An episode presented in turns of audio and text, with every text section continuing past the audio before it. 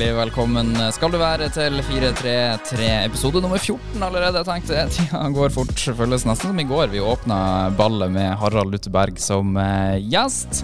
Nå sitter jeg her med en ny og spennende gjest, for ukas gjest har både cupgull, seriesølv, cupsølv i den helgule drakta.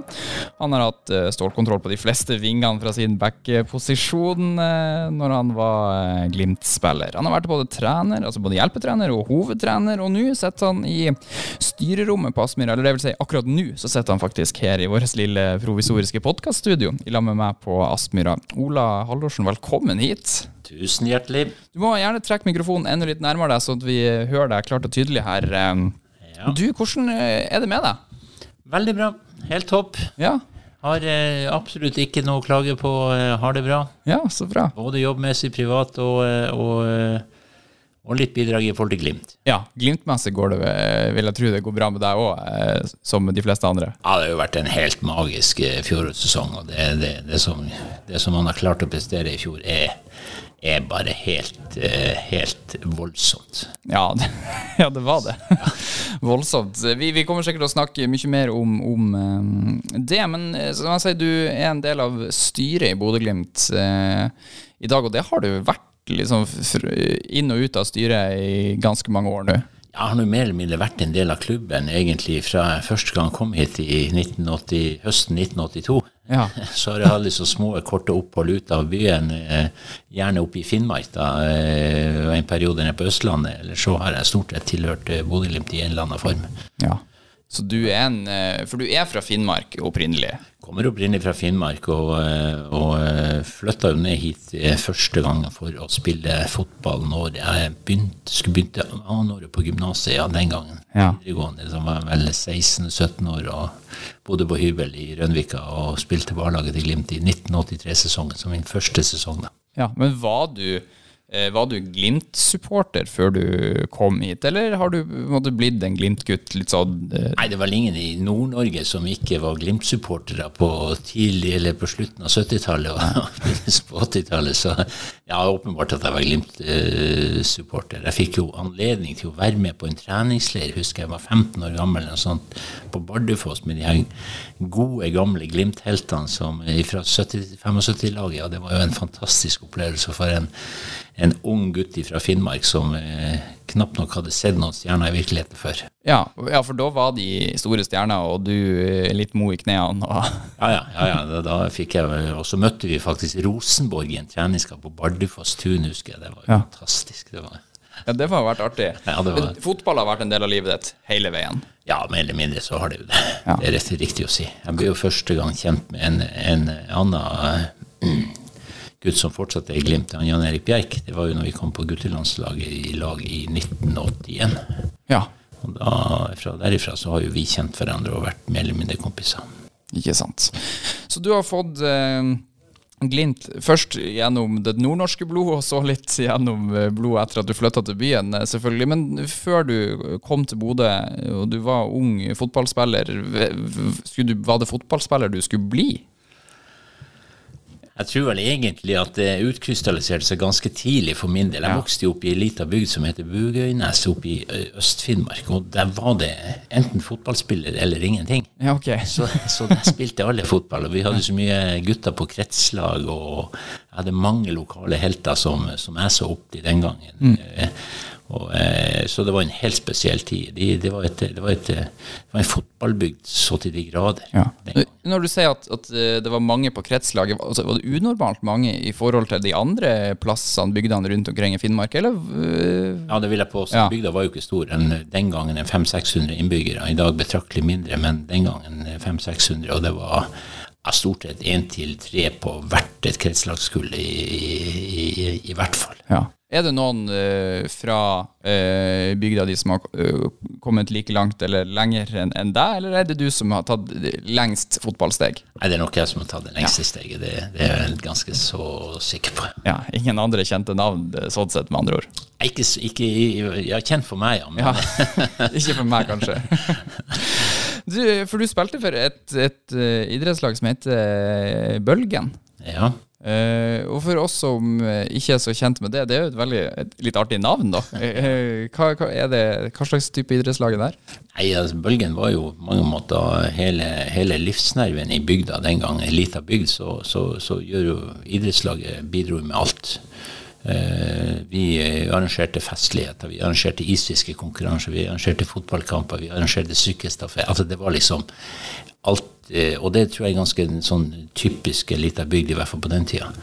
Det var, det var mye som skjedde rundt, rundt, rundt klubben den gangen. Mm. Jeg husker jeg var jo ikke mer enn 15 år gammel, så måtte jeg stå og arrangere sånn bygdefest. vet du, og ble jo tredd der sånn ordensvernbind rundt armen. Jeg var 15 år gammel og måtte passe på de gamle fyllikene som kom fra nabobygda. Så, så, så, det var litt av oppveksten i, i, i, hjemme i Bugnes og i bygda jeg vokste opp i. Ja, og du får jo da eh, vært med på mye hvis man er en del av idrettslaget. Ja. Men som du sier, det var ei lita bygd, så alle var vel kanskje med på mer eller mindre? I en eller annen form. Ja. Det er helt rett. Og det, du, du engasjerte hele bygda. Ja. På, på alle mulige måter. Men på et eller annet tidspunkt så må jo du da ha eh, oppdaga sjøl, og kanskje andre også oppdaga, at du er såpass god i fotball at eh, du må opp på et A-lag. Var, var, det organisert på den måten, eller var det ja, noe man ja, Bølgen, eh, Vi hadde jo et, faktisk et veldig godt A-lag den gangen. Det var jo i, i, den gangen i toppen i, i Finnmarksserien, som det heter, tredjedivisjon, eh, og, og gjorde, det jo, gjorde det jo bra jevnt over hvert år. Eh, så jeg fikk jo, jeg ble jo dratt opp. Jeg fikk jo, jeg, jeg måtte begynne å trene med A-lag da jeg var 13 år gammel, for da var jeg definert som god nok. Ja, ok. Så, så, så jeg trente i to og et halvt år med A-laget før jeg fikk lov å spille A-lagsfotball. Ok, så, Men spilte du kamper for andre lag i mellomtida? Spilte kamper for både småguttlaget, guttelaget og juniorlaget. Ja, Og trente med A-laget? Trente med A-laget. Det må ha vært en enorm fordel, da? Ja, jeg fikk jo fysikken med meg, i hvert fall, ja. og, og ble vant til den tøffheten som jeg nok har hatt med meg i hele min fotballkarriere, uten tvil. Mm. Så jeg var rimelig godt trena i, i, i, i, min aktive tid. Ja.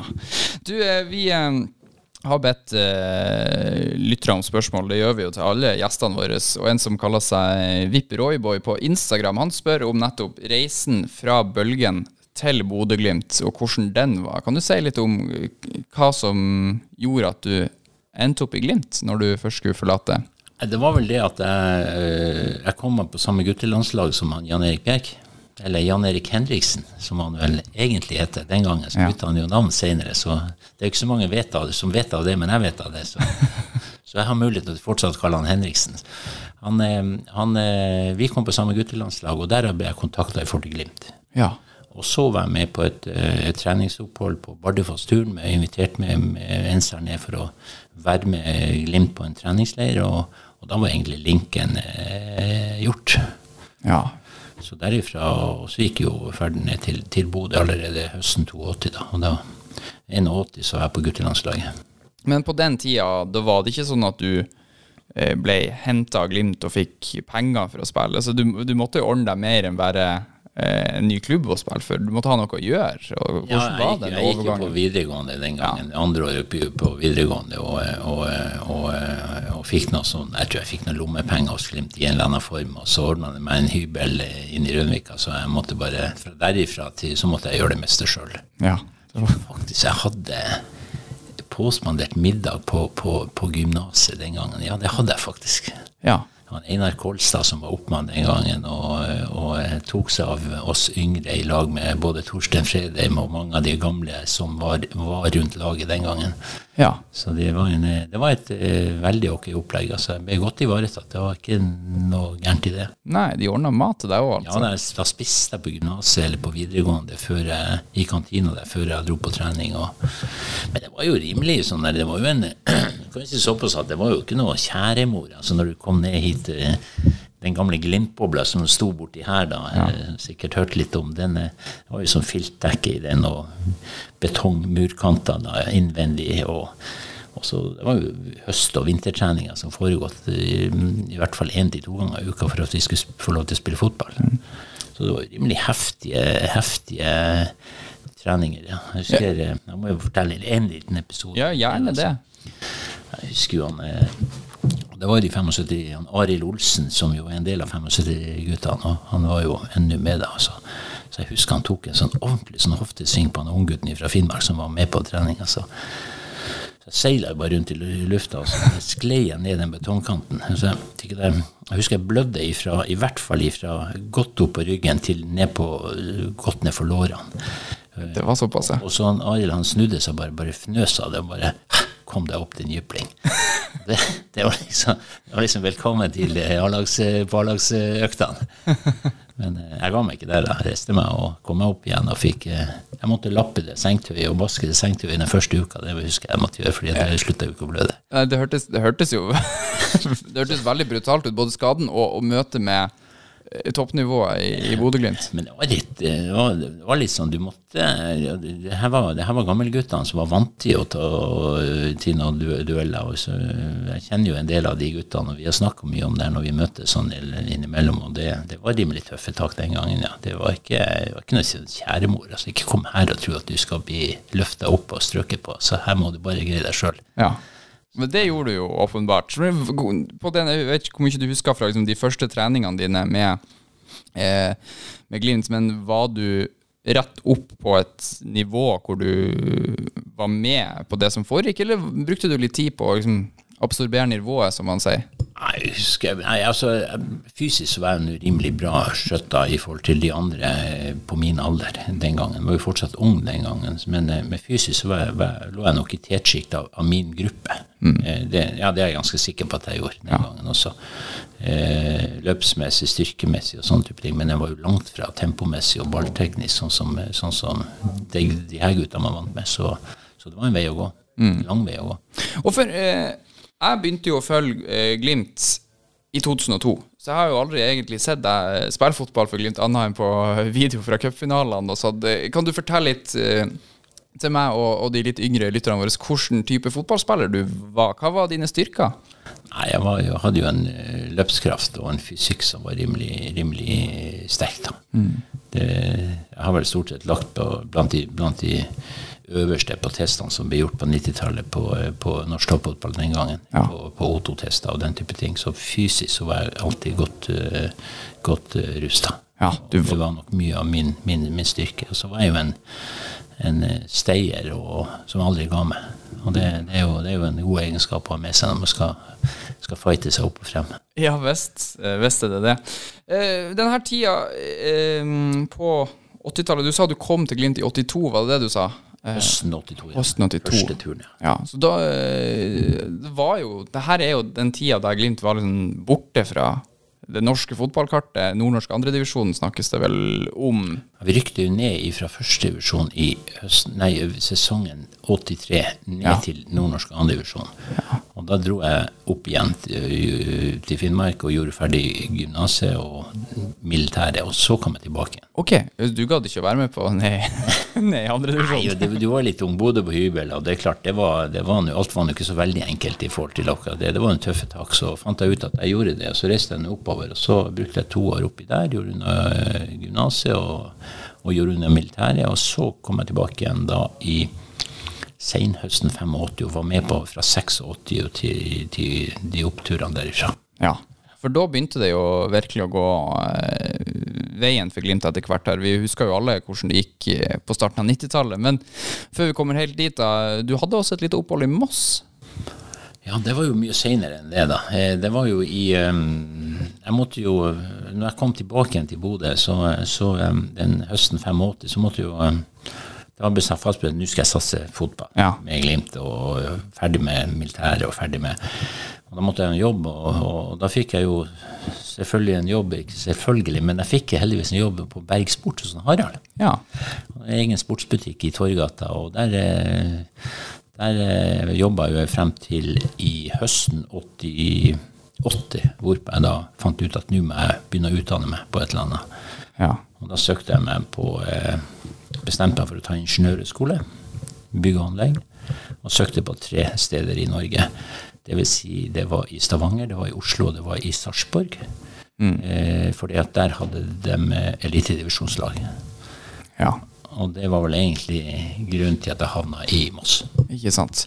Men de tre årene før du for til Moss, når du jobba på Berg Sport, da var du, som du sier, du bestemte deg for å satse på fotball, og da var du Glimt-spiller og Da var jeg Glimt-spiller. Ja, ok. Spilte ut 88-sesongen for Glimt. Ja, eh, og så og jobba på Bergsport ved siden av fotball på fullt. Ja, men da tar vi de årene før vi tar tida i Moss. Eh, Det er bra, det. Hvordan var For det opprykket fra nordnorsk andredivisjon, det var eh, i Hva var det du sa det var? Det skjedde 86-sesongen, hvis Ja. jeg husker helt for mye. Nei, nei det, det var det. For vi rykte opp det, det året der. Eh, og så var det jo 87 med, med Da var jo både Ørjan og Mini Jan Ivar, som jeg fortsatt kaller Jan Ivar. Så, så, så da dro jo de til Rosenborg. Ja. Eh, før 88-sesongen og suksesssesongen, oppstarten i Rosenborg. Ja. Da eh, mista vi de, og da var vi no- i og Vi holdt oss i, i, i, i første divisjon, men, men klarte ikke noe, å gjøre noe mer ut av det. Og det var da jeg valgte å reise til, til, til sprang opp til elitedivisjonen med Moss. Så det er jo mange som skal til at jeg ble henta til Moss, men det er jo ikke tilfellet. Det, det var jo bare tull. Det var jo sånn at jeg søkte meg jo på, inn på, på ingeniørhøgskolen. Da kom jeg meg inn i Sarpsborg. Siste inntaket, faktisk. Ja. og pakka lekene i løpet av 14 dager og kjørte nedover og tok kontakt med Moss. Ja. Og jeg ba om å få lov å spille meg til en kontrakt i løpet av eh, siste del av sesongen der og, og høsten. Og det gjorde jeg. ja, for det var, Moss var i Eliteserien på det her tidspunktet, og, og var, var det det store laget fra Østfold? Moss var jo faktisk eh, seriemester i 1987. Ja, nettopp. Så det var jo med Nils Arne Eggen det ene året han var der, så det var jo veldig spesielt. Da. Det var jo en, det var jo en, eh, det var jo en, det var en klubb som hadde vært, hadde noen store opplevelser de siste åra, med, med ganske kjente spillere da også. Så.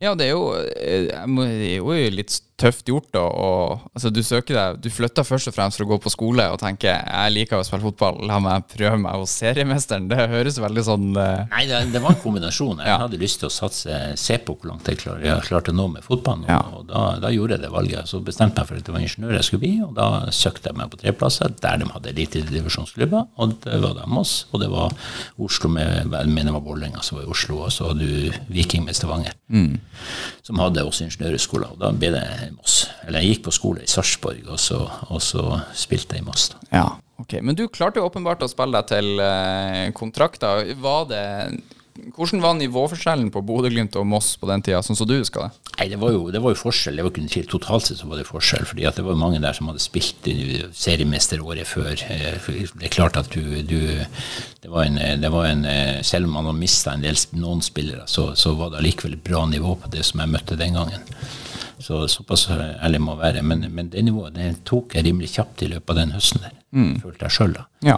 Og spilte du da også under Nils Arne Eggen? Nei, Nei, han var, for. Var, han var dratt. Ja, det sant, var det en eller annen svenske, tror jeg. Som, ja, det var det. Stefan Ja. Lundin het han faktisk. Ja. Klarte med oss Det ble vel bare med ett seriegull, men hvordan var den tida i, i eh, Kråkebyen? Nei, det var jo en Etter at Nils Arne dro, så var det jo litt sånn jevn nedtur på hele klubben eh, i den perioden. Så, så da spilte jeg jo faktisk i 89- og 90-sesongen for Moss. Eh, og valgte da i løpet av den eh, Vi rykte ned i 90-sesongen. Ja. Eh, og da eh, valgte jeg faktisk å dra tilbake igjen til Bodø. Du gjorde det, ja. Og var med, fikk være med på den oppturen og muligheten som, som da lå foran meg i, fra 91-sesongen i Bodø. Ja. Som var jo helt spesiell. Men det visste jo ikke du da, at, det kom, at du Jeg velger å dra til Bodø for jeg skal bli cupmester i løpet av de neste Det kunne ikke du vite. Nei da, det gjorde jeg ikke, men det var det han Ove og Ole Petter og, eh, og Eirik, altså alle de rundt klubben den gangen. Det var mange rundt klubben som egentlig hadde fått med seg den gangen den, den grupperinga på bedrifter som nå skulle det satses i Bodø. Og det klarte de å overbevise meg om at jeg skulle være med tilbake igjen, eller flytte tilbake igjen til Bodø og være med allerede for 91-sesongen med, med Glimt igjen. Og det, det valgte jeg å gjøre fra ja, Vi gikk jo faktisk fra nordnorsk andredivisjon fra andredivisjon og opp, rett opp i første. Opp i elitedivisjonen. Ja. Det, det var faktisk han Jan Muri var trener i 91-sesongen, ja. Ja. Da var vi i, rykte vi opp fra andredivisjon, nordnorsk andredivisjon, Så jeg, reiste fra elitedivisjonen med Moss og tilbake til, eh, til Bodø. Andredivisjonen de lurte jo fælt på om det klikka for meg. Ja. Ikke, for jeg, hadde jo muligheten og tilbud om å være med videre der. Ja, sant. Det var ikke sånn at de ikke ville ha deg der? Nei, nei tvert imot. De, de, de, jeg var jo blitt kaptein i Moss det, det var andre året mitt i Moss, og var jo mm, det, da en del av gruppe, altså lederne i den gruppa med spillere. Og, og, og de lurte jo for om jeg hadde klikka helt for meg og reiste tilbake til nordnorsk andredivisjon. Men eh, da hadde Glimt en ganske sterk plan på, på, hvordan de skulle komme seg opp igjen. Og de hadde allerede lagt, eh, fått på plass en del spillere for å få den satsinga. Og, og eh, da valgte jeg å gjøre det. Så det, det gjorde jeg. Men eh, eh ingeniørutdanninga, da? Eh, ble man ingeniør på to år på den tida, eller? Nei, jeg gjorde meg ferdig selve oppgaven, hovedoppgaven, gjøre ferdig våren i Bodø. Okay. Så jeg, altså jeg trente med Moss frem til januar, og så, og så fikk muligheten til det, selv om jeg hadde sagt at jeg reiste tilbake igjen til Bodø. Og så, og så tok jeg hovedoppgaven, eh, bacheloroppgave det kalles i dag, ja. den gjorde jeg unna i Bodø. Ja, du hadde hjemmekontor lenge før det ble populært? Ja, nei, De ordna meg en ingeniørjobb her, så okay. jeg satt og jobba på det ingeniørkontoret ja, da, hos han, Ole Petter og, og, og, og Stein Røsten og Torbjørn Søfting og de guttene der. Det var, en, det, var en, det var, en, fin tid. Så jeg gjorde oppgaven der før jeg da begynte jobb der, når jeg fikk eh, eksamenspapirene og sluttførte ingeniørutdannelsen. Mm. Og før vi gyver løs på eh, suksessen til Glimt på tidlig 90-tallet der, uh, hvordan forhold har du til Moss uh, FK i dag? Du, følger du fortsatt med? Ja, Moss er jo en klubb som jeg har uh, trivdes utrolig godt i. Uh, til og med Bodil ble ansatt i Moss uh, som på kontoret fordi de måtte ordne henne en jobb. Ja. så det, det, vi, vi trivdes veldig godt nede i, ned, ned i Moss. Og, ja. Så Moss har jeg bare gode, gode rom. Det, og, for, for, oss som ikke følger så godt med på Moss, de rykka jo ned fra Eliteserien i 2008 to, vel, og så har de liksom sakte, men sikkert forsvunnet ut av Er det i andredivisjon de nå? Det er i andredivisjon, ja. Så du har eh, Du jeg følger med? Jeg følger med, ja. ja. Jeg følger med, gjør ja, det er bra. jeg har fortsatt noen venner i Moss-området som, som, jeg nok eh, både blir å besøke og kontakte når jeg nå er nede i de traktene. Så. Ja, men det er bra. Og så sier du at du reiser til eh, Bodø. Noen lurte på om det hadde klikka for deg, men du, du hadde trua på prosjektet i Glimt, og, og eh, det viser seg at det fikk du jo helt rett i, for som du sier, Glimt gikk opp to ganger på rad. Eh, fra 91 til 93. Ja, Vi gikk opp i, fra nordnorsk andredivisjon, vant vi i 91 med Jan Muri. Så kom eh, da Nordlandshallen og Trond Solli mm. høsten 92. Og da fortsetter jo egentlig den ferden som jo egentlig man ikke skulle tro var mulig. Eh, men det, det var jo en sinnssykt moro tid, altså. Det må jo være ærlig på. Det var, ja. Ja, for da gikk jo nærmest Glimt da tre sesonger på rad uten å tape fotballkamp. Altså, det er sikkert et og annet tap inni der, men det var jo litt Det var ikke mange. Det var ikke mange. Du, du, det var, det, du, følte at du lå bare og seila på en medvind hele veien, og ja. ting var bra, og det trente godt, og det var bra trøkk, og det var det, det, Man rykka jo opp to-tre år på rad, og egentlig Det var helt spinnvilt rett og slett. Ja, det høres. Det var 92, ikke sant. Med, med, det var vel førstevisjon den gangen, så hvor vi møter en del av de lagene sørenfor, hvor vi har snakk om 5000-6000 spill i Nordlandshallen. Ja. Første året i Nordlandshallen med trommer og jeg, helt, jeg, jeg mener 6500 inne på det meste ja. det året. Enormt. I Nordlandshallen. Det var det. Da var det bråk. Ja, det vil jeg tro. Det var fryktelig artig. men, eh, men eh, hva det er jo sikkert mange som har svart på det spørsmålet her hundrevis av ganger, men hva var i dine øyne suksessfaktoren som gjorde at det gikk så bra? Det var nok i en kombinasjon. Den, kanskje den viktigste fra førstedivisjon og opp til ferden, det var uten tvil Trond Solli. Ja. ja det, det, det, bare, det, han er den treneren som jeg har lært desidert mest av eh, i forhold til fotball. Hva, hva, var det han eh... Han kom jo med, med, med, sin lærdom og opplevelse fra både Vålerenga og spesielt Rosenborg, da, som, som, eh, som, eh, som, var gull å innføre i en gruppe som var sulten. Mm. Eh, han da fikk eh, rigga på plass en riktig gruppe, vi fikk jo tilført noen nye spillere også. Eh, unge spillere som var trenbare, og, og, og, og da, da, var det, da var det, det var da det skjedde. Og det, så ble ting lagt til rette for, for, for, for det. Og det er den samme grupperinga som den gangen jeg kom ifra, tilbake igjen fra Moss, altså som, som snakka om den nordlandsland som skal på plass, og den fikk den på plass.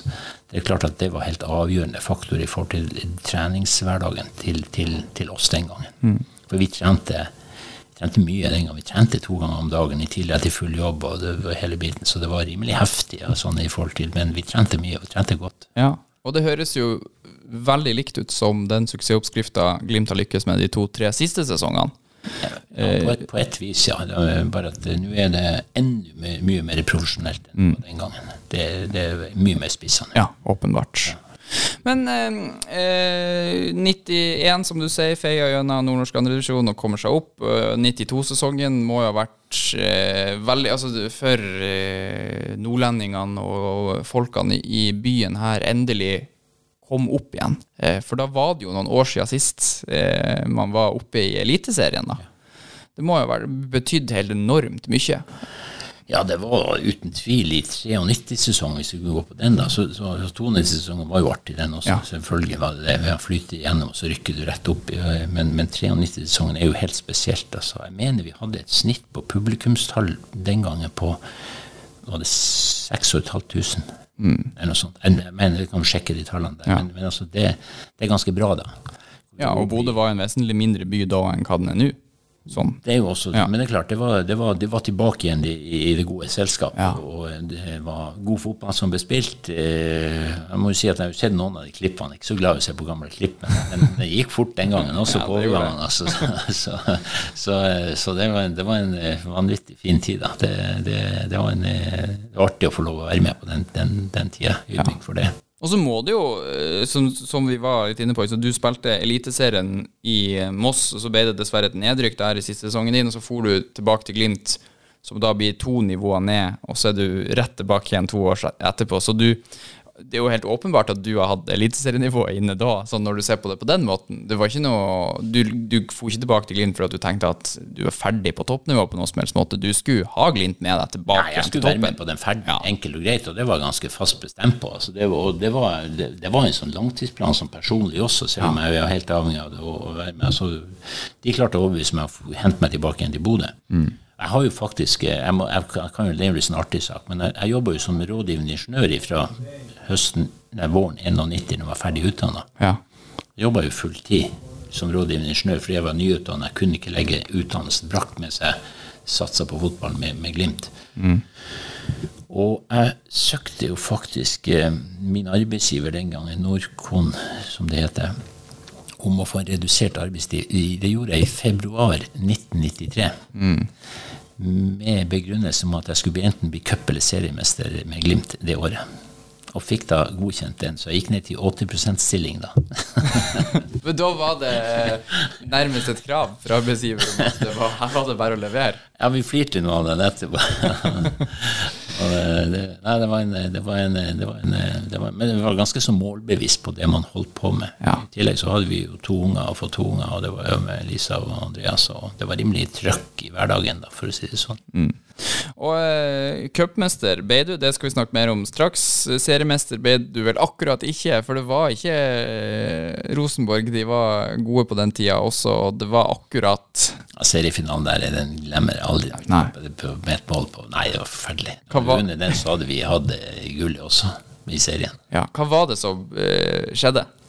Nei, de var bare bedre enn oss i kanskje den viktigste kampen for oss. Den, den var ikke vi vant med å spille på lik linje med de.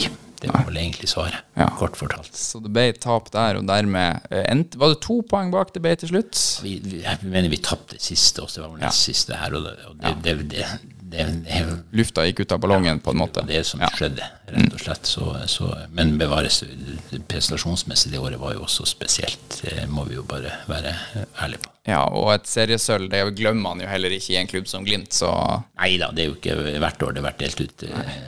det da. Så, så. Men cupen, eh, der gikk klubben helt til topps, og en eh, veldig artig cupfinale, vil jeg tro. Jeg husker ingenting av det, selvfølgelig, men eh, du husker det sikkert godt, så det må ha vært artig å være en del av det der. Cupfinalen var jo selvfølgelig spesielt, og det å vinne cupgullet var jo veldig spesielt. Men den, husker, den kampen jeg husker best fra det året der, det er faktisk semifinalen borte. For det var én semifinale, og, og, det var borte mot Brann på Brann stadion med fullt trøkk. Ja. Den kampen i seg sjøl, det var en veldig jevn kamp med ekstraomgang hvor vi punkterer den på slutten og så reiser hjem og er klar for cupfinalen. Det er faktisk med charterfly, eh, husker jeg den gangen nede. Men det var en vanvittig fin opplevelse. Vi, eh, jeg husker vi kom ut før, før kampstart med med guttene og så sjekke, sjekke, sjekke forholdene av banen. Og så står jo hele det store stå og jeg vet ikke, Det var, det var smekkfullt på stadion, selvfølgelig, men så begynner de å joike til oss. Ja.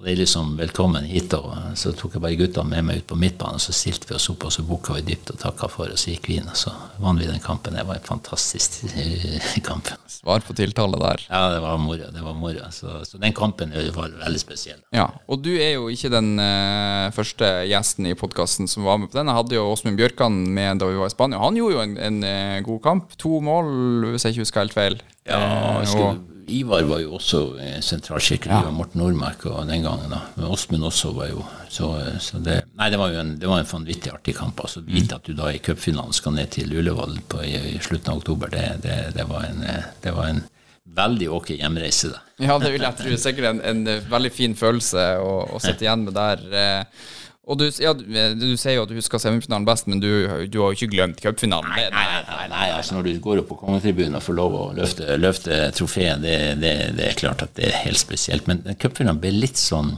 Jeg var litt eh, egentlig favoritter til den, den naturlig nok, da, mm. Strømsgodset. Men Eh, men eh, det ble litt sånn, vi fløt igjennom, og så tok vi cupgullet. Og så ja. tok vi trofeet med oss opp til Bodø. Det var liksom en selvfølge at vi skulle gjøre det når vi kom igjennom den Brann borte-kampen ja. semien. Men var du da noen gang nervøs for at det, altså, at man skulle bli litt for slapp? Med tanke på det, eller undervurdere motstanderen? Og at det skulle nei, nei, nei, nei, nei, det var sviv, nei, nei, nei, du, 26 000 på, på Ullevål og, og, ganske mye nordlendinger ja. som eh, som lager ståhei hele uka i forveien. og det, du, du, Da tar du ikke noe lett på den oppgaven. Det som, er, det som jo vi hadde lært oss ganske tidlig, eller i hvert fall jeg begynte med det ganske tidlig, det, å, det, å, det er den eh, Jeg ser guttene nå Det er litt artig å se deg oppleve det at de bruker type trykke mental trening. Mm. Det gjorde jo jeg fra tidlig alder, og jeg har lært enormt mye av det du lærer seg å styre tanken. Mm. Og det er på mange måter ting som jeg har eh, brukt ganske rått og brutalt etterpå, også i næringslivet. Ja. Det, ja. Den, og den er litt viktig. Som jeg, jeg, jeg har voldsomt tro på det som, det som guttene i dag gjør. Det, det, er på en helt annen måte. Men, eh, men, selv den gangen Vi hadde en idrettspsykolog i Norge som heter Willy Railo. Tidlig, ja, slutten av 80-tallet, begynnelsen på 90-tallet. Laga masse kassetter. Jeg tror jeg hørte på de kassettene i hytte og kav og gevær og lærte meg på mange måter å styre min tanke i forhold til opplevelse. Det er derfor også cupfinalen du spurte om i sted. Ja. Om du var nervøs eller tok lett på. Nei, du var jo ikke det, fordi at du, du faktisk tenkte arbeidsoppgaver hele veien. Ja. Det tror vi gjorde. Vi var flinke i hele laget den gangen også. Mm. Til, å, til, å, til, å, tenke arbeidsoppgaver. Vi snakka mye sammen på banen i konstellasjoner. Høyresida, venstresida, fireren bak. Hvordan vi skulle løse oppgaver. og den type ting. Så vi var veldig opptatt av også arbeidsoppgaver den gangen. Mm. Men eh, nå, eh, de spillerne i dagens tropp som bruker mental trening, de snakker, som jeg har hørt mye om, det å liksom ufarliggjøre det. Og ikke være redd for konsekvenser. Sånn Var det det samme du ja, det, brukte det til? Ja, det går på det samme. Ja. Det, du, du, tok bort alt, for, all form for press. Altså. Du, du tenker, tenker, kun neste prestasjon.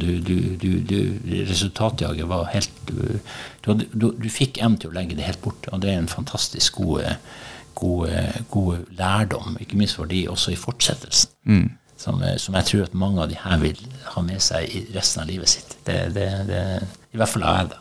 Ja, det vil jeg tro. Eh, og cupfinalen, som sagt, dere vinner jo den. Får opp på kongetribunen og får eh, kongepokalen. Og så er det jo Det må, eh, det må jo ha vært en steikartig fest. hva, hva, det var, altså, Feiringa og sånn er jo ikke over der. Og Nei da, vi- masse nordlendinger i byen og Ja, da, det, var, det, var, det var jo ganske kjapt eh, reiste vi oppover til Bodø da. Vi fikk jo ikke være med på, på den banketten på Grand Hotel i Oslo. Så var det jo opp til, til Bodø og, og med på festen i Bodø. Det var jo en stor bankett både på det gamle SAS-hotellet eller Radisson og så derifra til ut på byen og fest med supporterne. Det var jo selvfølgelig peisefullt på flyplassen. Vi, vi gikk vel ikke de stegene ut av flyplassen, så det, det, var, det, var, en, det var en, selvfølgelig en fantastisk opplevelse. Ja. Er det cupfinalen og Er det det største du har opplevd som fotballspiller? Sånn eller har, er det noen andre enkeltting? Ja, du snakka jo om brannkampen, selvfølgelig, som kanskje er en enda Ja, større sånn, opplevelse, men jo, ja, Vi spilte jo Europacup året etterpå, da, i 94, med Ja. Sampdoria borte. Og det er jo opplevelser som selvfølgelig eh, eh, også var stor, eh, sånn, sånn opplevelsesmessig. Eh, vi slo de faktisk hjemme på Ullevål 3-2. Ja. Og, og tapte 2-0 borte i Genoa. Det er også en spesiell eh, opplevelse. En Ja. veldig god opplevelse. For da var heimekampen var først. Ja. og den måtte jo da, som alle kjenner til, den spilles i Oslo. Eh, drittvær, ordentlig drittvær, Ja. eh, hvor vi vinner 3-2. Eh, og da har vi jo skapt litt spenning, da. ja. Selvfølgelig. For dere var ikke favoritter? Nei, det går ikke an. Sampdoria på 90-tallet var jo et av eh, Italias desidert beste lag. Ja. De var store den gangen, med, med Svein Jørgen Eriksson som trener. og og, alle de store stjernene med David Plett fra England og, og Lombardi. Og, altså det, er det er ganske store navn den gangen i Italia og italiensk fotball. og de, de, de, Det var ikke noen smågutter vi møtte. Nei, og det må ha vært utrolig artig da å vinne den kampen. Ja, det er klart det var moro. Det var, det var moro. Men hvis du snakker opplevelsen som sådan, så er det ikke noe tvil om at Genua er jo en opplevelse i seg sjøl. Mm. Fotballmessig. Det, det, det må vi være ærlige på. Ja, for hvordan var det å, å komme dit? Nå tapte dere ikke noe kampen, men det, der òg må det jo ha vært ei bra ramme rundt, og folk på tribunene og Ja, Det var ikke, det var ikke fullt, det tror jeg ikke. Nei. Nei, det var det ikke. Det var, jeg tror det snakk om en 38 000-40 000. eh, Ja. Da, da er det jo ikke fullt der nede. Men, men ja, det var jo et bra trøkk. Det var jo sånn at du Det hjelper ikke for meg å prate med han Bent Inge, som var min stopper eh, på innsida av meg. Det, det, det, det, gikk ikke. Det gikk ikke an å høre, nei. Nei, ja, du, så det, vi måtte helt nært hverandre for å kommunisere. Det, det, var bra trøkk. Men det går fint an å spille fotball sjøl. Altså, det går vel litt på instinkt, da. Om man Ja, ikke hører hva makkeren sier, så klarer man å Ja, ja, og vi var nå såpass vant med hverandre at Ja. det gikk nå- greit. Altså. Men vi klarte jo ikke den bragden, så vi røk jo ut i den kampen. Så det var jo litt synd, da. Men eh, det var vel kanskje, kanskje som forventa den gangen. ja, Vil du si at det var fortjent ut fra den kampen? Altså, var, eller var, var dere på høyde med dem, eller var det Nei, vi var faktisk beintøft? eh, og lukta litt på, men, men jeg tror ikke vi, eh, jeg tror ikke vi Men jeg husker at vi Vi, ja, vi tapte jo 2-0, og de vant vel fortjent. Det er vel ikke noe annet å si på det, da. Nei. Men altså, ja, 4-3 sammenlagt, altså tett og jevnt, det var det. Ja, mot eh, den gangen et av Europas beste lag. Mm. Det er ikke noe dårlig prestasjon, det heller, altså. Så sett uh, uh, kanskje litt med den samme følelsen som man gjorde etter kampen mot AC Milan i, i fjor høst, at hadde man bare eh, vunnet den, så kunne man ha kommet ganske langt. Ja, det, det, det er nok riktig, bare Ja. at jeg syns jo, jo guttene i fjor var mye nærmere. Altså, Ja. Følelsen i fjor var jo faktisk sånn at det, det de gjorde ned på, på, på, på i Milan, er jo, er jo, var en, var en, det, var en, det var en voldsom prestasjon etter min vurdering. Og det var jaggu meg ikke langt unna, altså. Nei, det var eh, ei tå på slutten der, Ja, det var, det var nærmest. helt, helt eh, så det, Ja. Ok, så du, ja, som sagt, både cupmester og seriesølv i 93, og påfølgende Europacup i, i 94, da, og um, så nevnte jeg også i introen her at du har også et cupsølv. Eh, for du var med i 96, eh, og vi har fått et spørsmål. Jeg tippa det er en Tromsø-supporter som er going Kronos som spør hvordan var det å tape cupfinalen mot TIL, og da får vi spørre deg, da, hvordan opplevde du den, den cupfinalen når vi er inne på Nei, altså, hele 96-sesongen var litt spesiell for hele laget den gangen. Sikkert det var nå vel eh, Vi var jo ikke, var ikke det var, det var, De skåra jo helt på slutten på toppen av det hele, og det, det, det, det er klart det var en nedtur. Eh, kan si, si det såpass at eh, det, var, vi, det var jo tre år imellom de to eh, cupfinalene, og, og, og forskjellen var enorm etterpå. Ja, det vil jeg tro.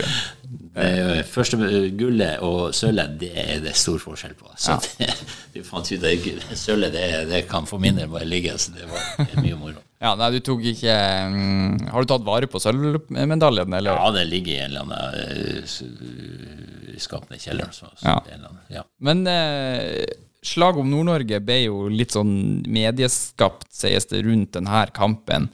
Og etter det så har kanskje supporterne i alle fall rivalisert mer og mer. Og at, hvordan opp, altså, Var det spesielt surt at det var Tromsø på den tida, eller hadde det vært ett fett om det var Stabæk, eller Nei, det ble jo veldig spesielt i og med at det var Tromsø. Altså, Ja. Det var jo første gang med to nordnorske lag i, i, i cupfinalen i Oslo. Eh, byen var altså gul og rød. Ja. Det var, altså, Oslo var gul og rød. Og, og, og det, er, er det, spesielt. det var faktisk folk, masse folk som, som hadde sydd seg drakter med, med halvt gult og halvt rødt. Altså, Ja. Delta, altså det, det, det, det var en spesiell opplevelse, altså, uten tvil. Og for alle de som var der, nordlendingene i seg sjøl, det må jo skapt en sånn veldig sånn derre altså, ja, du kan snakke om det her kampen, slaget om Nord-Norge, men, men, men supportermessig, tror jeg, og spillermessig, så har vi alltid hatt en veldig sånn tett og god relasjon imot TIL. Det er riktig å si. Det har aldri vært noe som vi har ønska TIL ned. Som spiller, som trener, nei, aldri gjort det. For det er viktig for den nordnorske profilen å ha to lag som er der oppe. Ja. Så vi er jo sjeleglade for at TIL kom opp i, i, i, tilbake igjen opp i det gode selskapet i år igjen. Men, men tenkte du altså, Jeg regner med at du ikke idet de skåra på overtid, tenkte ja ja, det var nå ennå godt det var TIL. Så, Nei, nei, nei, nei, nei, det er klart det var, du er forbanna. Ja. Alt det der, der, det er helt, helt naturlig. Ja. Så, eh, så, eh, så det, men vi var vel egentlig ikke bedre akkurat i den kampen eller den sesongen. For det var, en, det, var en, det, var en, det var ikke noe god sesong for vår del. Nei. Ble det ikke Nei, det var året før det ble bronse, selvfølgelig. Så 96-sesongen var litt sånn halvveis også i serien. Derfor vi snakker om stort sett annethvert år. Ja. vært, altså, og det, det stemmer faktisk Ja. bra. Altså, I 94 så holdt på vi å ryke ned. Det er helt merkelig, men det var en tå som den gangen var Peter Sollis tå som berga ned at vi ikke holdt oss. Og I 95 tar vi bronse. I 96 så er vi ikke langt unna. Altså, det var en nedtur igjen. ja. Så sånn har det egentlig gått og, og, og, opp gjennom tida. Ja. Og du fikk jo eh, veldig mange kamper i denne perioden etter at du kom tilbake til Glimt før 91-sesongen, før du mm, ga deg mot slutten av 90-tallet. Så du, du var lenge den spilleren, eh, sies det i hvert fall, med flest kamper eh, før Glimt. Så er det vel kanskje noen eh, som har spilt noen kamper som ikke er registrert, og sånn, som gjør at det er litt Jeg vet ikke helt, noen på 70-tallet kanskje som Arne Hansen står jo med 600 mål, og hvis han har spilt under 400 kamper, så har han jo virkelig bøtta i jeg ikke. Nei, jeg vet, jeg vet for lite om det, men uh, så mye kamper som vi spilte, og vi begynte å telle kampene, så vidt jeg forsto på Antorove først på mm, 93 eller noe sånt, også, også type kamper utafor serie og cup. Ja. Men, eh, men, eh, men det ble jo en del kamper for Glimt, så, så jeg tror nå at jeg hadde den eh, fleste antall kamper for Glimt inntil han eh, unge Berge kom opp og, og passerte meg. Vel fortjent. Ja. ja, han holdt ut noen år lenger. Ja, han gjorde. Men eh, tida di i Glimt eh, Det har kommet et spørsmål om det. Eh, skal vi se om jeg finner det igjen. Eh, jo, Thomas Michaelsen som spør hva du savna mest fra den tida du da var fotballspiller i, i Bodø-Glimt. Oi, eh, hva jeg savner mest ifra det å være fotballspiller på Ja. toppnivå? Ja. Det, som- Det blir vel sånn det blir, kanskje, da. den, den er faktisk litt interessant, for den har jeg tenkt en del på i ettertid. fordi jeg må være såpass ærlig at eh, etter at jeg la opp som toppspiller den gangen med Glimt i 89, så spilte jeg jo faktisk i, i, i flytta nordover, spilte i moderklubben i, i, i noen år. Men, men som toppspiller så gikk det altså ti år med et savn. Fordi at det jeg savna mest av alt, det, altså det, det å prestere i lag med guttene var faktisk den, den og, og, og det var ikke nødvendigvis å vinne en eh, cupfinale eller den type ting, eller en semifinale, eller en Men det var faktisk det her, det her kicket i lag, løfte seg ut før vi skulle ut og prestere. Ja.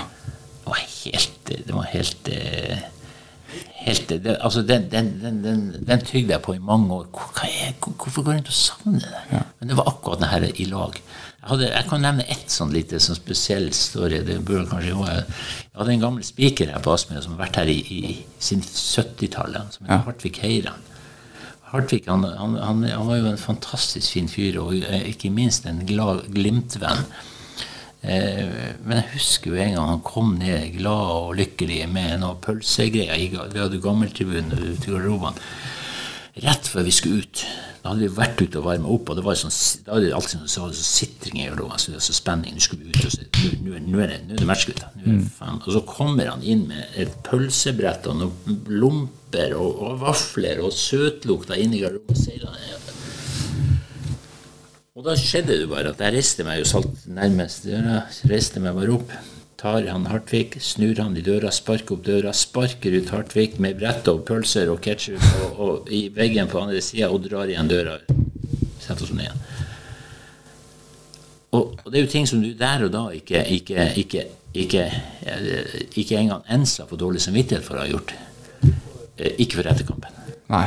For de må ringe Hartvig og si at er. Beklager. Det, det, men han forstår ikke det. Han forsto det ikke, men, men vi forstår det, og vi vet hvorfor. Ja. Men det er akkurat denne kampforberedelsen i lag til match med gutta. Ja. Den kødder ingen med. Nei, og så, så det, du, det er det samholdet, da. Det at man er i lag om noe. Men får du ikke det samme Er det fordi at det står ganske mye på spill, da, siden det, du sier at det er på toppnivå? Når, du er tilbake i Finnmark med, med Bølgen, eh, klarte du ikke å få den samme følelsen der? der? jeg tok jo med meg det samme, men det var jo ikke hele gruppa der var jo ikke vant med det der. Så det ble jo, det ble jo jeg alene, mer eller mindre. Så broderen som spilte på det samme laget, måtte jo komme bort til meg flere ganger når vi holdt på i, i fjerde, tredje divisjon og si at Ole, du, er, du spiller ikke elitedivisjon nå. så Det, det, er- det, vi, er, vi, er, vi er i Finnmark. Så det å ha det med seg er faktisk eh, litt spesielt. Ja, er det litt utfordrende òg, da, kanskje? Blir, altså, eh, blir du sett på som en litt kjip Hvis, hvis du sparker ut pølsemannen i fjerdedivisjon, det er kanskje litt dårlig gjort? Nei, det gjør vi ikke der. Altså, det, det, det gjør vi ikke der. Eh, Du ga deg, som du sier, i Glimt i eh, 98, og da gikk turen tilbake til Finnmark. Hvordan var eh, de årene du var der, og, og Jeg var jo med som assistenttrener i Glimt i 99 og 2000-sesongen. Ja, stemmer. Sånn var Så det. flytta jeg oppover. Ja. Eh, nei da, det var, vi hadde både jeg og Bodla snakka om at vi skulle teste ut Vi er fra Bugnes begge to, samme bygda. Eh, vært i lag i, siden vi var ganske så små. Eh, snakka om at vi skulle flytte Hadde lyst til å teste og, og flytte nordover. Etter at jeg var ferdig med fotballkarrieren og den biten. Og det valgte vi da å gjøre i høsten 2000. Ja.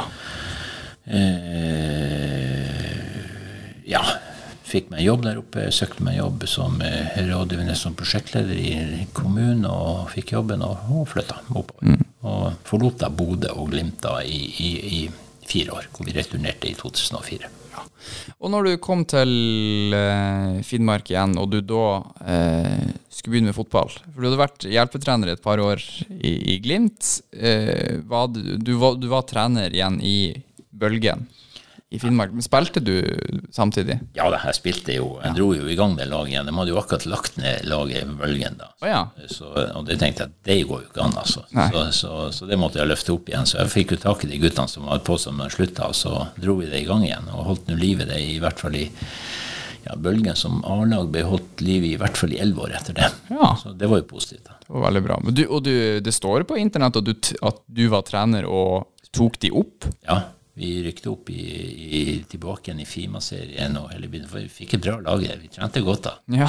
Så, så det var litt sånn elitenivå på både trening og, og opplegget, så det var ikke noe, ikke noe kjæremor der. Så, så, så det, det, var, det, var, det var en artig tid. Fantastisk artig tid. Ja, og du tok med deg alt det du hadde lært av bl.a. Trond Sollid og Ja, ja, ja, altså vi, vi fiska i gang? kopierte jo rått og brutalt og fikk med seg guttene. og De var jo ikke vant til den, det nivået, men det gikk jo bra. Vi rykte opp, og, og det var jo ingen som hadde trodd med, med, med, med det gjengen som vi den gangen hadde. Nei, også bare noen år etter at laget egentlig var oppløst. Det er jo en liten prestasjon. ja, ja, det er helt rett. Det, det var en artig tid. Ja, det vil jeg tro. Og så var jeg med på å trene på, meldte meg på på kretslag og trente både gutte- og juniorkretslag og Ja. oppe i Finnmark. da. Har, du, har du trent noen uh, spillere som vi vet hvem er i dag?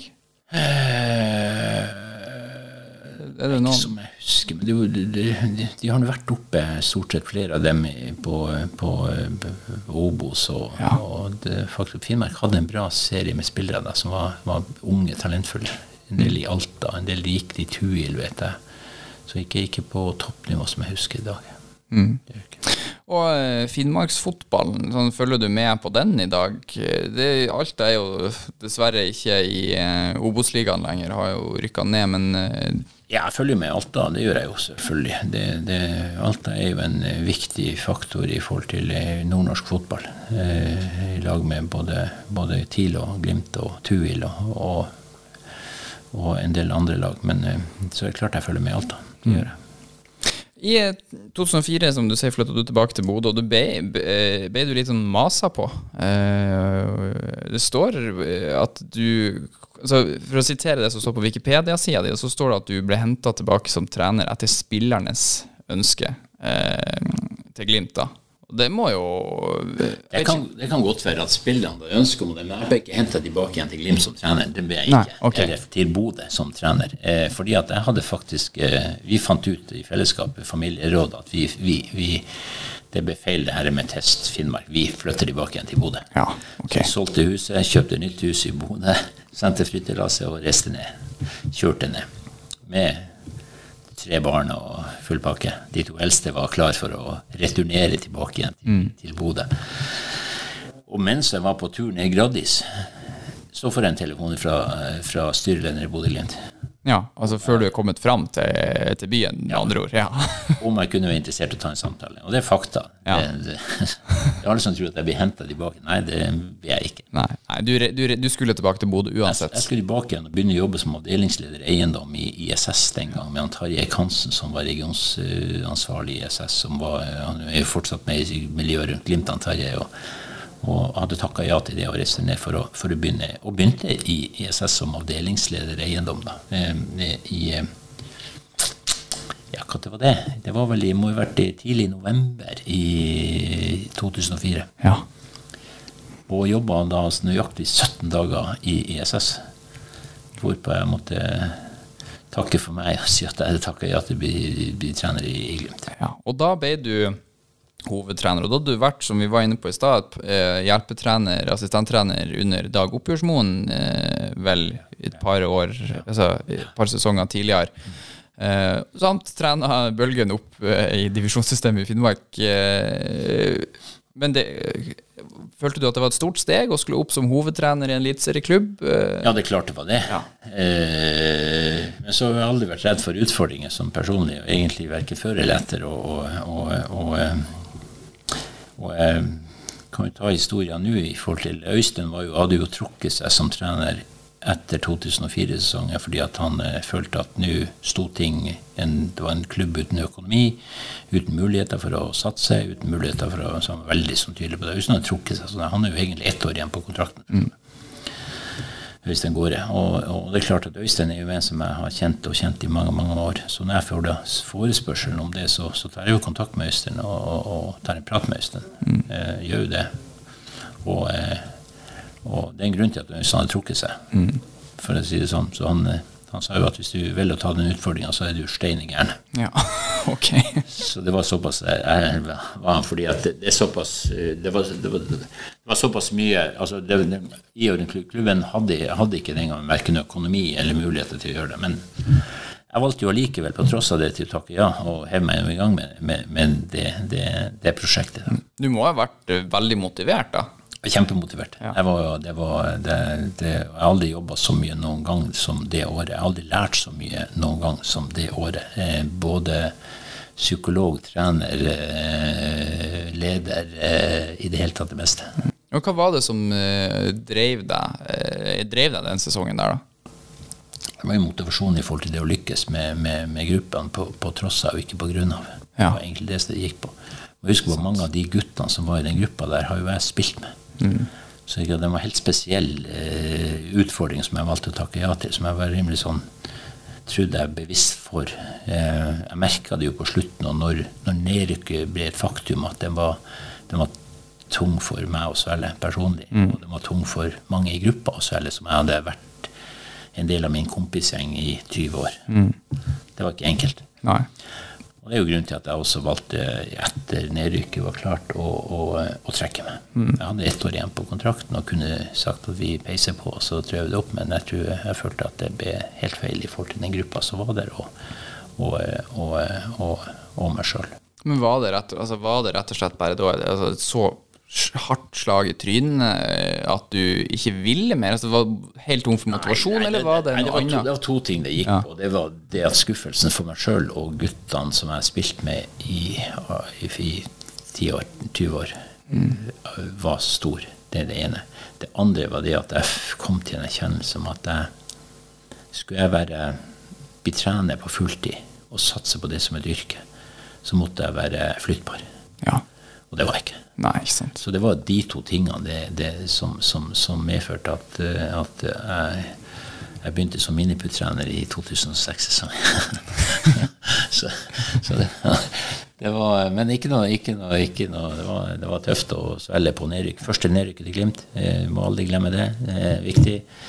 Men eh, jeg var nå borte ett til to år, så ble jeg spurt om ikke jeg skulle komme tilbake igjen og være med i styret. Det var, jeg, var ikke, var ikke så veldig langt unna. Nei, for, men i 2000, etter 2005-sesongen så eh, velger du, som du sier, å trekke deg, og da har du også eh, Hvis vi ser bort fra det at du har sittet i styret, så, så har du på en måte ikke vært tilbake som trener eh, verken her eller andre plasser. Du ga deg litt sånn med Jeg trente, Aktiv jeg fotball. Trente, jeg trente 99-laget i Glimt. Ja. Fra 2006 til 2012. ja sant. Gutter 7. Det var der du Jeg gikk ned som, Ja. som miniputtrener. Det, var- det, en- det var en fantastisk artig det. Ja, det vil jeg i tro. årene. De flere av de guttene har jo jeg fått anledning til å trene, de som i dag har slått igjennom og, og, og, og, er ute i Europa og spiller i dag. Og det er jo kjempeartig. Ja, det er veldig artig. Eh, og du, hvis du ikke slipper 2005 helt ennå, da, selvfølgelig, så du sier det var tøft og, og Men eh, kan du si noe om hva det var som gikk galt, som gjorde at, at det ble nedrykk? Nei, altså, vi, vi, vi gjorde jo iherdig forsøk på å spille fotball sånn som jeg hadde trua på, og vi hadde trua på. Eh, og vi var faktisk, i, hvis vi ser i kampene eller hver for seg, så er det faktisk en, en del bra prestasjoner. Men vi klarte aldri å bikke resultatene til vår fordel. Og vi hadde ikke et godt nok lag for å kunne gjennomføre etter min vurdering den gangen. Eh, og jeg var ikke veldig til å gå på, på akkord med meg sjøl i forhold til sånn som jeg vurderte at vi skulle spille. Det, det, det var jeg ikke. Altså det, det vet jeg de hadde gjort året før. Form. Og det er klart at vi skulle utvikle oss eh, som, eh, som, eh, som lag og individer. Det var eh, viktig for meg også å, å gjøre. Så ja, for du følte ikke at, eh, at man ble rundspilt i hver eneste kamp? Nei, tvert imot. Nei. Tvert imot, faktisk. Vi var fullt på høyde i brorparten av kampene. Kanskje bortsett fra når du var klar for nedrykk, og da var det testet mye ungt og nytt. og hele midten der, at du kunne, men, men før det så var vi fullt på høyde. Det er min vurdering. Det sier vel resultatene også. Det var ikke noen sånne kjempestore smeller. skal jeg huske helt. Og da må det jo nesten være ekstra bittert eh, når man går ned. Når man egentlig kanskje føler at man på et eller annet vis hadde fortjent å få en sjanse til. Nei, Eller? men du får som fortjent alltid, og det er sånn fotballen er. Altså, det nytter ikke å gå rundt, og man må være ærlig på det. Det er bare sånn det er. Eh, og det, det, det, da hadde Glimt fortjent en nedrykk. Og, og, eh, og den perioden i ettertid tror jeg var gull også for Glimt, da, som sitter i ettertid. da. Eh, fordi at da fikk man faktisk muligheten til å, til å bygge litt nytt igjen. Gå ned og ja, ja. hente litt fart, rett og jeg tror det var helt vesentlig. Det har kommet et spørsmål her fra eh, Straumann IL. Jeg lurer på om det er idrettslaget rett og slett som eh, hører på å kommer komme med et spørsmål. Fordi jeg lurer på uh, Cato Hansen ble skada i 2005. Jeg lurer på hvor avgjørende det ble for 2005-sesongen. Kato var jo en av, en av bærebjelkene. Den gang det ikke noen tvil om at det, det, sånne ting preger alltid resultatene. Det, det gjør det alltid. Bare se på Liverpool i år, som jo er mitt, mitt eng, engelske lag. Enn så lenge, da. Ja. så, så, så det er ikke noe tvil om at det, det, det preger eh, resultatene. Det er bare sånn det er. Spesielt den bautaer og, og folk som er viktig for, eh, for det å, for det å ta, ta den krigen så forsvinner. Så det er bærebjelkene. Og så var kanskje Glimt eh, altså, laget ditt også litt ekstra skadeutsatt. Eller at en skade kunne bety litt mer fordi at man ikke hadde økonomi til å hente inn erstattere og på den måten. Ja, også, Du hadde jo økonomi, økonomi til en vinter inn jeg husker du, to eh, costaricanere, Randall Brennes og Roy Miller. Det var liksom det var på det nivået. Det var unge gutter. Du, du hadde, vi hadde ikke økonomi var ikke økonomi i klubben en gang til noe. Og så var, var den, jeg må jo såpass ærlig, det var en aldrende spillergruppe. Det har man jo ikke i dag i dagens dal i Glimt. og Det er jo den som er, det er ikke noe tvil om at du er ikke like trenbar når du har passert 33 pluss. Og du er ikke like fysisk topp top shape som, som en 23-åring som er, er, på tur opp og frem. Det er bare sånn verden er. Og der var det mange av de som var litt eldre i den gruppa den gangen. Mm. Som du må alltid må regulere treningsmengda med, mm. sammen med. 2005 endte, som uh, du er inne på, altså med nedrykk. Eh, du trappa ned til gutte 7 og eh, kom sånn sett ikke tilbake til toppfotballen som aktiv, men du har jo vært med i styret i Glimt nærmest siden 2007, vel da? Eh, mer ja, eller mindre? mer eller mindre. Med litt ja. opphold. Han var med i Junkeren og den biten. Ja. Ellers så er det jo stort sett vært mer eller mindre sammenhengende i en eller annen setting og en eller annen rolle i og rundt, rundt klubben. Så, mm. så det er jo alltid, det er jo alltid um, hyggelig, da. Ja. Det kommer et spørsmål uh, fra Preben Åkre som lurer på hva egentlig um, jobben din er. Altså Når du er i, i styret i Glimt, hva, hva, er det egentlig en, et styremedlem gjør? Jeg har jo takka ja til å være med i styret av hensyn til min sportslige bakgrunn. Ja. Sportslig og det at jeg har sittet som trener og vært med som assistenttrener. Kjenner rollene godt i forhold til på toppnivå. Og kan være en, kan du si, en en god diskusjonspartner mot de som sitter på det ansvaret i dag i klubben. Og det tror jeg det er hovedmisjonen min med å sitte og takke ja til, til, til styreverv nå.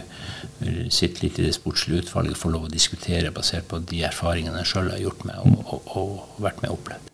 Ja, for det er mitt inntrykk hvert at ofte sånne styrer som styret til Glimt, er det veldig ofte det businessfolk. Eh, som kanskje ikke, hvor ikke alle har en fotballbakgrunn. Er det viktig at det er noen i et fotballstyre som som deg, da, som har spilt fotball og ja, Nå har jo jeg en businessbakgrunn også. Da, ja, så det er jo begge deler. Si, så, så jeg, har jo, jeg har jo jobba med næring, privat næringsliv i stort sett hele mitt voksne liv og, og er vant med å jobbe. Jeg jobber i konsern i dag med, med ganske mange hundre millioner i ansvarsområdet. Og, og, kjenner jo virksomheten og businessen godt også. Men det er ikke noen tvil om det. Det, det er viktig etter min vurdering å ha idretts- og fotballbakgrunn inn i et styre. Så, så komboen mellom, mellom, mellom eh, næringsliv og, og fotball, idrettsbakgrunn, er, er, tror jeg helt, helt, eh, helt, avgjørende. For du kan ikke ha bare businessfolk som sitter og styrer noe sånt. Det, det, det går ikke. De har, de har, aldri opplevd den garderobekulturen som, som, som, vi har gjort. det. Kan man ha bare fotballfolk, eller går det å Nei, det tror jeg heller ikke. Det blir altfor mye følelser. Så, så, det må du ikke. Du må, den, den komboen er, er, viktig, tror jeg. Ei salig blanding, eh, og det er jo veldig bra.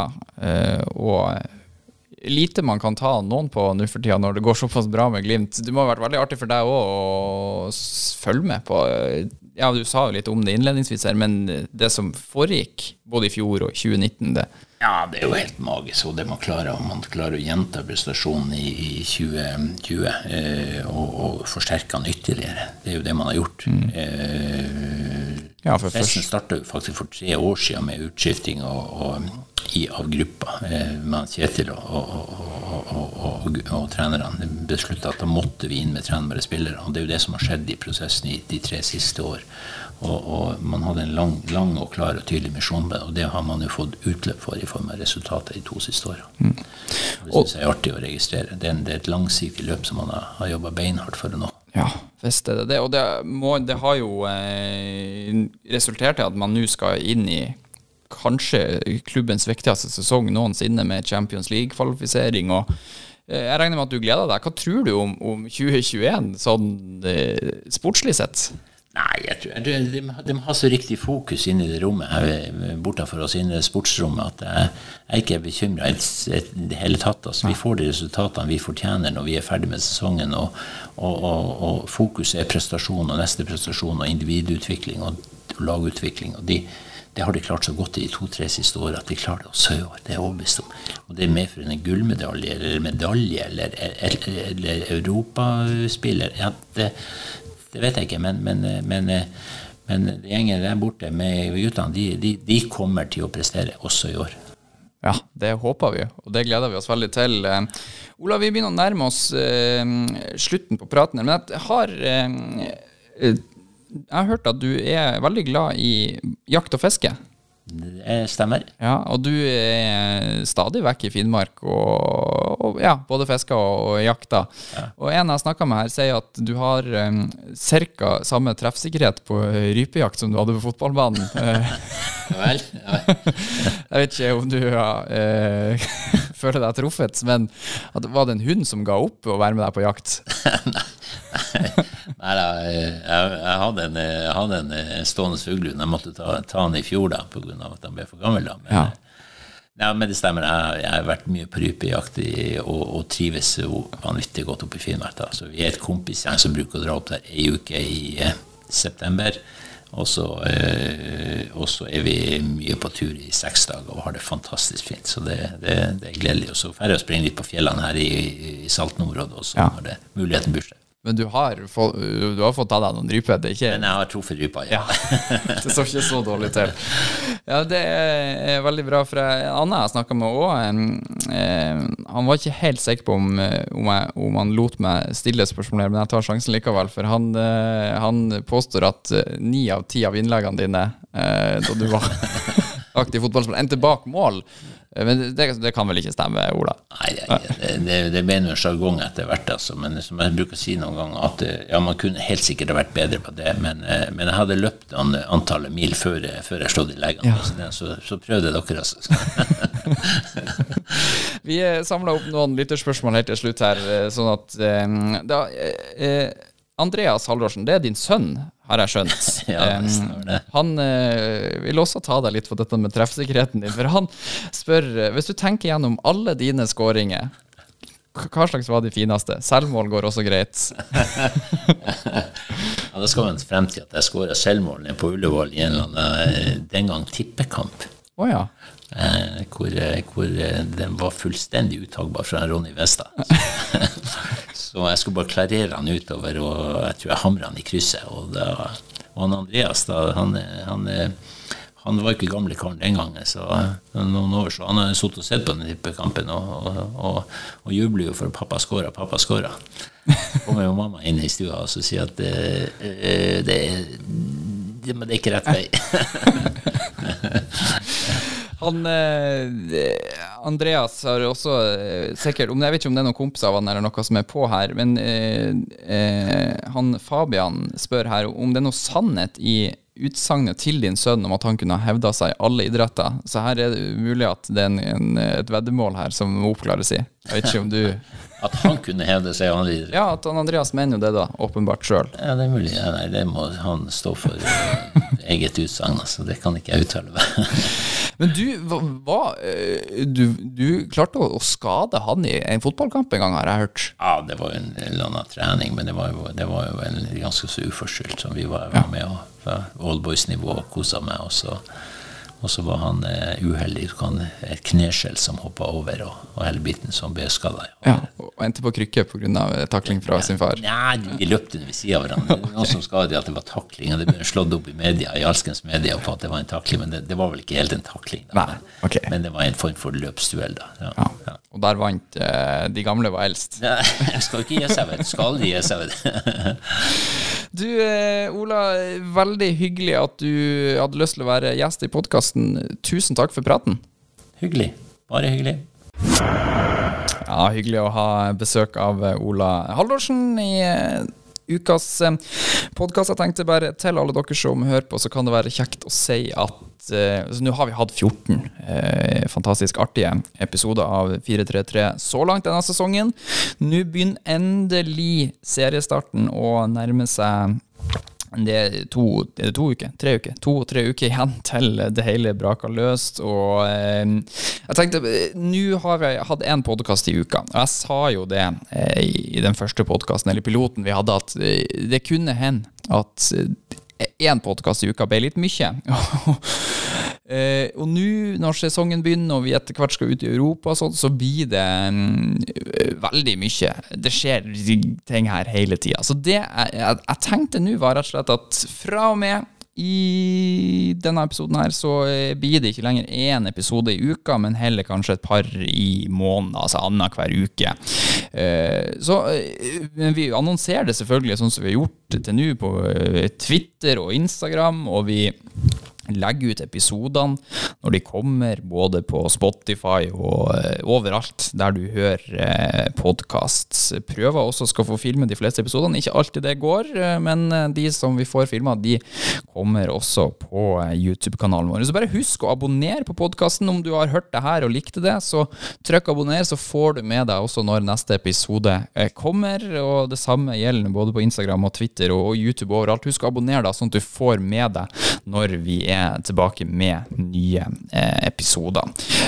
Da tror jeg vi bare runder av for eh, denne uka. Tusen takk for at du hørte på. Det har vært eh, veldig hyggelig å være i ditt selskap den siste timen.